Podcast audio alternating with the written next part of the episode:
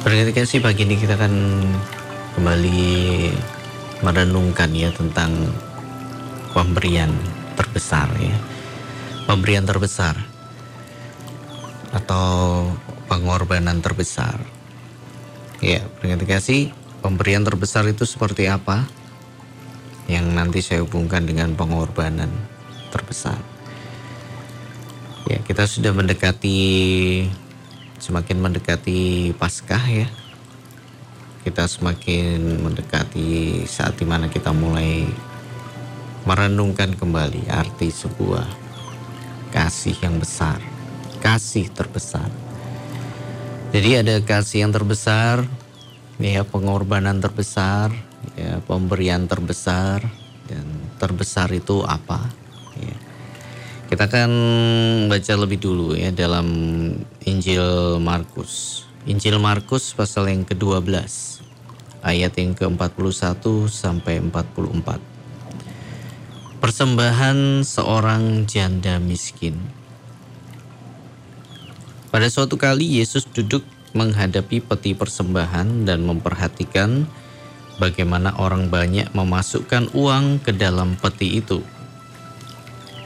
Banyak orang kaya memberi jumlah yang besar. Lalu datanglah seorang janda yang miskin dan ia memasukkan dua peser yaitu satu duit. Maka dipanggilnya murid-muridnya dan berkata kepada mereka, Aku berkata kepadamu, sesungguhnya janda miskin ini memberi lebih banyak daripada semua orang yang memasukkan uang ke dalam peti persembahan. Sebab mereka semua memberi dari kelimpahannya, tetapi janda ini memberi dari kekurangannya, semua yang ada padanya, yaitu seluruh nafkahnya. Nah, suatu kali Tuhan menghadap sebuah peti persembahan berarti kasih dia, dan dia perhatikan. Ya, dia sedang bersama dengan murid-muridnya dan dia perhatikan bagaimana orang memasukkan uang ke dalam peti itu. Nah, di situ banyak orang yang memberikan dan, dan dilihat semuanya. Ada orang kaya, ya. Saya percaya ada orang yang setengah kaya, ada orang yang biasa-biasa, dan ada orang yang miskin. Dan tentu yang dimaksud dengan orang biasa-biasa dalam hal harta yang dimilikinya. Ada orang yang sangat kaya, ada orang yang kayanya sedang-sedang saja ya, ada yang kaya, ada yang tidak terlalu kaya, ada yang biasa, bahkan ada yang miskin. Nah, dan pasti ada bermacam-macam pemberian yang dimasukkan ke dalam peti itu. Berarti kasih. Ya. Dan banyak orang kaya memberi jumlah yang besar. Orang kaya memberi jumlah yang besar. Nah, secara manusia kita berpikir orang kaya itu pastilah yang memberikan pemberian yang terbesar. Ya. Orang kaya itu pasti ya di mata Tuhan yang memberi pemberian yang terbesar. Tapi ternyata sekali lagi kita melihat bahwa penilaian Tuhan sangat berbeda dengan penilaian kita. Ya. Kalau ada yang, kalau kita ya dalam kehidupan nyata ini ada orang yang memberi satu miliar dengan orang yang memberi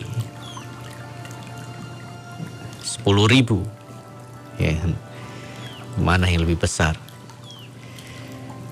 Ya tergantung mendengar kasih. Ya. Kita harus lihat dulu ada yang memberi satu miliar, ada yang memberi sepuluh ribu. Dilihat dulu.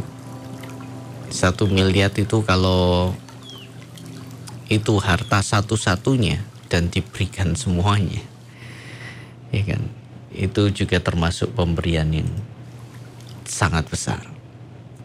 Ya, kalau satu miliar dan itu harta yang benar-benar dimiliki ya, tidak ada lagi yang lain dan untuk makan hari ini dia harus berpikir, untuk makan besok dia harus berpikir dan di, ketika satu miliar diberikan itu menjadi pemberian yang besar. Perhati kasih. Sepuluh ribu juga bisa menjadi pemberian yang kecil kalau orang yang memberikan itu adalah orang yang sangat kaya raya. Hartanya triliunan rupiah dan dia memberikan sepuluh ribu. Itu akan menjadi satu pemberian yang sangat kecil. Jadi dilihat dulu ya. Tetapi kalau ya yang memberikan satu miliar itu adalah orang yang hartanya sudah tidak terhitung lagi dibandingkan dengan 10 ribu 10 ribu ini milik seorang yang sangat miskin. Dan itu harta yang dia punya satu-satunya. Untuk makan hari itu dia harus berpikir untuk makan esok hari dia harus berpikir. Dan dia berikan semuanya. Nah itu beda lagi. Ya, sama dengan kisah janda ini kasih kenapa pemberiannya menjadi pemberian yang terbesar? Kenapa? Karena orang-orang yang memberi memasukkan uang ke dalam peti itu memberi dari segala kelimpahannya. Memberi dari segala kelimpahannya. Jadi sama seperti air yang tumpah dari gelas yang ada isi air terus ya tumpahannya itu yang diberikan. Memberikan dari segala kelimpahannya. Tumpahannya, kelimpahannya. Ya tetapi janda ini memberi dari kekurangannya dalam terjemahan yang lain dari kemiskinannya. Dia sendiri butuh tapi dia beri. Dia sendiri butuh untuk dia makan hari itu tapi dia berikan. Ya. Janda ini memberi dari kebutuhannya kekurangannya, kemiskinannya. Semua yang ada padanya, yaitu seluruh nafkahnya. Di terjemahan yang lain, seluruh hidupnya. Ya berarti kasih karena penghasilannya berkaitan dengan kehidupannya juga berarti kasih. Bisa jadi untuk memberi dia tidak makan hari itu. Besok dia harus kerja untuk mendapatkan lagi. Memberi dengan pengorbanan. Memberi dengan pengorbanan yang total itu menjadi satu pemberian yang besar, pemberian terbesar di mata Tuhan. Ya. Saya pernah berkata kepada istri saya, Jangan pernah melupakan orang yang menolong kamu sam, sam, sampai ya sambil dia. Maksudnya jangan pernah melupakan seorang yang menolongmu dengan mengorbankan dirinya. Itu adalah satu bentuk pertolongan yang sangat besar. Berintegrasi ya ada orang yang menolong ya ya menolong karena dia memang bisa menolong ya. Menolong karena dia punya banyak untuk bisa menolong ya. Tapi jangan pernah melupakan orang yang menolong sambil berkorban. Itu adalah pertolongan yang terbesar. Jangan pernah melupakan orang itu ya. Kasih jadi apa yang terbesar adalah dinilai dari pengorbanan yang ada di dalamnya. Paskah bicara tentang pengorbanan. Tuhan Yesus pernah berkata tidak ada kasih yang lebih besar daripada kasih seorang yang memberikan nyawanya untuk sahabat-sahabatnya. Jadi menurut Tuhan kasih yang terbesar itu adalah kasih yang diberikan ya sampai mengorbankan nyawa itu adalah kasih yang terbesar.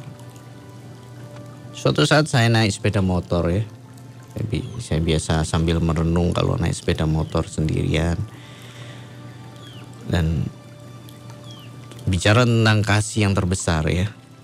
Ya, saya kadang ngomong-ngomong sendiri ya, dan tapi dalam hati mendengar kasih. Ya. Eh, kemudian saya sampai pada satu uh, perenungan. Sudahkah kamu mencintai istrimu lebih dari maksudnya seberapa besar cintamu pada istrimu? Lalu saya berkata kalau dibandingkan Tuhan saya belum ada apa-apanya. Ya, kenapa? Karena Tuhan sudah rela mati buat istri saya dengan pengorbanan di atas kayu salib. Ya, tetapi saya belum. Lihat kasih. Nah, Tuhan sudah mati, Dia sudah mengasihi dengan kasih yang terbesar, dan saya belum. Dan saya tidak tahu apa saya bisa melakukannya berkata kasih. Nah, jadi saya tahu Tuhan, Engkau lebih mengasihi istrimu daripada saya. Lebih mengasihi istri saya daripada saya maksudnya. Saya salah ngomong tadi ya. Jadi saya tahu engkau lebih mengasihi istri saya lebih daripada saya. Tidak bisa dibandingkan. Karena itu saya percaya Tuhan itu punya masa depan, punya rancangan yang terbaik buat istri saya. Sama pertanyaannya, pendengar kasih, seberapa besar Anda mengasihi anak Anda, keluarga Anda, dibandingkan dengan Tuhan. Kita masih kalah jauh dengan Tuhan dalam mengasihi. Karena Tuhan dalam mengasihi sudah mati untuk mereka. Tapi kita belum, pendengar kasih dan belum tentu mau mati untuk keluarga. Nah, jadi kasih yang terbesar Tuhan lihat adalah kasih yang sampai dia mengorbankan nyawanya. Pengorbanan terbesar seperti apa? Pengorbanan terbesar juga diukur dari bagaimana dia bisa memberikan pengorbanan itu dengan seluruh apa yang ada padanya sama seperti Tuhan Yesus. Dia korbankan semuanya. Bahkan tubuhnya sampai hancur. Dia berikan buat menebus saudara dan saya. Ya, melihat pengorbanan Tuhan yang luar biasa itu adalah bukti dari cinta yang luar biasa. Kasih. Nah, beberapa waktu lalu ada waktu kami sedang jualan jadi saya kalau pulang kerja jualan mulai jualan makanan ya. Mulai merintis. Kerinduan saya dan istri suatu saat bisa punya kedai tempat makan ya. Diawali dari sederhana saja berarti kasih ya jadi waktu kami jualan dan saya lagi ada di dalam Kemudian tiba-tiba ada anak yang menangis guys ya. Ada anak yang menangis kemudian sambil memegang sikunya dia dia mendekati ke rumah di tempat kami jualan ya karena ada anak-anak yang sedang beli waktu itu. Jadi dia memegang sikunya dan dia uh, menangis sambil menunjukkan ya. Dia berkata, "Om, om ini." Ya. Saya coba lihat, waduh saya pikir luka biasa karena jatuh ya ternyata karena ternyata jatuh kepleset kepleset ya dan sikunya mengenai um, tempat apa ya tempat duduk dari semen itu ya dan ujungnya itu lancip dan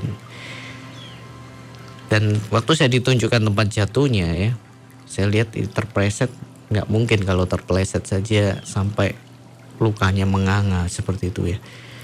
Paling hanya peset-peset saja, ya, lecet-lecet saja. Ya, tapi itu lu, waduh saya lihat ngeri sekali ya menurut kasih. Jadi waktu saya lihat dia datang sambil nangis, akhirnya saya suruh dia tenang, jangan dilihat lukanya, nanti kamu takut ya. Dan saya guyur dengan air, di depan ada keran ya, saya, saya guyur dan saya kaget melihat lukanya. Karena itu luka robek yang luar biasa ya. Saya juga gemetar kalau lihat seperti itu melihat kasih. Kemudian saya ambil um, semacam apa ya? Tisu-tisu yang lebih tebal ya. Kemudian saya ikat saya ikat saya ikat supaya tidak terlihat ya. dan dia masih terus menangis sambil berkata ini dijahit ya om ini dijahit ya.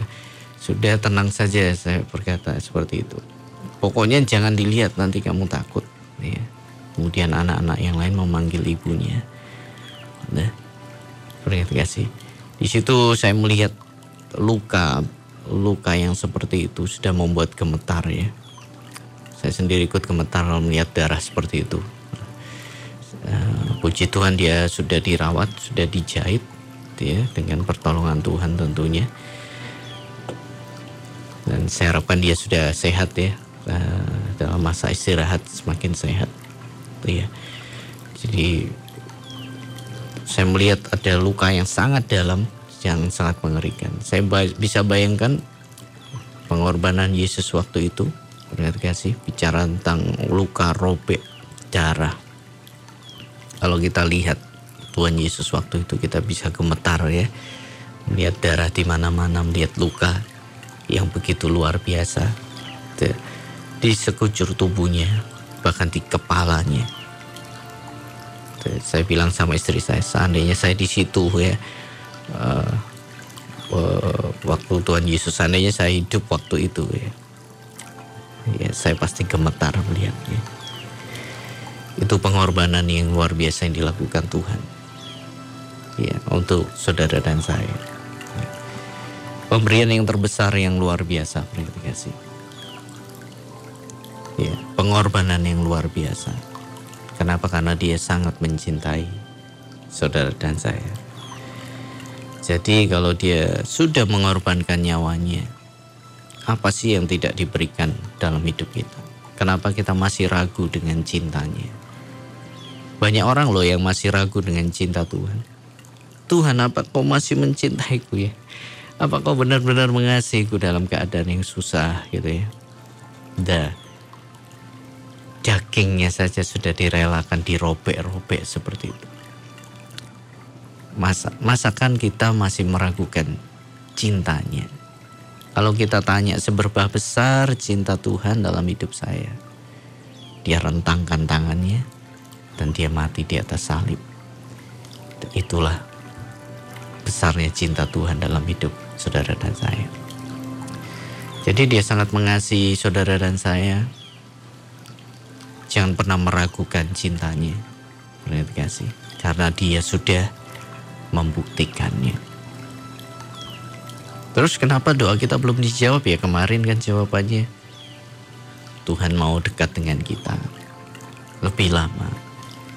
Bahkan dia senantiasa rindu bersama dengan kita. Nah, Lewat masalah dia mengajar kita untuk kita intim dengan dia selalu dekat. Lalu kenapa permintaan saya belum dijawab? Bisa jadi belum waktunya. Lalu kenapa sakit saya tidak disembuhkan? Bisa jadi Tuhan berkata, dalam kelemahanlah kuasaku sempurna. Perhatikan kasih. Kadangkala Tuhan menyembuhkan penyakit, kadangkala dia izinkan penyakit itu tetap ada, dan dia nyatakan kemuliaannya lewat sakit penyakit itu. Sama seperti duri dalam daging, Paulus minta cabut Tuhan, cabut. Kalau nggak cabut, Tuhan tidak sayang sama saya. Tapi ternyata Tuhan tetap mengizinkan duri dalam daging Paulus tidak diambil. Tuhan bisa mengambil bisa. Tapi kenapa Tuhan tidak mau? Sengaja diberikan supaya ya dalam kelemahan Paulus Tuhan bisa menyatakan kemuliaannya. Bisa jadi Anda sakit. Sudah lama Anda capek berdoa. Anda marah dengan Tuhan. Tuhan terlalu mudah untuk menyembuhkan kita. Kalaupun kita masih diizinkan sakit dan tetap sakit, ya, tapi Anda bisa mengeluarkan damai dan sukacita dari wajah Anda. Tuh, di situlah orang akan melihat kemuliaan Tuhan yang luar biasa. Terima kasih ya. Nah, jangan pernah meragukan cintanya Tuhan. Nah, mari kita percaya. Ya, Jadi mari pendengar kasih kita belajar hari ini bagaimana untuk menjadi seorang pemberi, seorang yang berkorban, seorang yang melakukan sesuatu ya. Yang terbesar itu seperti apa? Yang di dalamnya ada pengorbanan.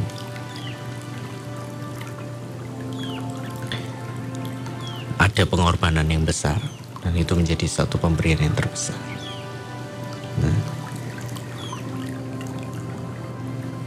Kiranya renungan yang singkat pagi ini bisa menjadi berkat pendengar kasih. Ya. Jangan kita seperti batu api. Batu api itu harus dihantam dulu, baru kita dapatkan sedikit percikan api. Ini orang yang kalau sudah dihantam tapi hanya bisa memberi sedikit artinya pelit ada juga spon kalau memberi itu harus diperas dulu diancam baru keluar. Spon. Lalu kalau anda mau cuci piring ya spon diperas keluar ya. Memberi karena terpaksa. Tapi ada sarang lebah yang uh, dia bekerja dan dia memberi madu. Tentu untuk bekerja dia harus bekerja keras, dia berkorban untuk bisa memberi. Sarang lebah yang ada madunya dihasilkan dari lebah yang berlalu lalang, berlalu lalang ya. Uh, menghisap sari sari dari bunga-bunga dan dia bekerja dan itu adalah hasil dari sebuah pengorbanan. Sarang lebah tidak perlu menunggu diperas tidak perlu menunggu. Tapi sering kali kita melihat bahwa ada madu yang menetes dari sarang madu ini. Menetes. Nah, terima kasih bila kita belajar hari ini bagaimana merenungkan kembali pemberian yang terbesar dalam kehidupan ini. Sudahkah kita memberikan pemberian yang terbesar? Pengorbanan terbesar, kasih terbesar dalam hidup ini.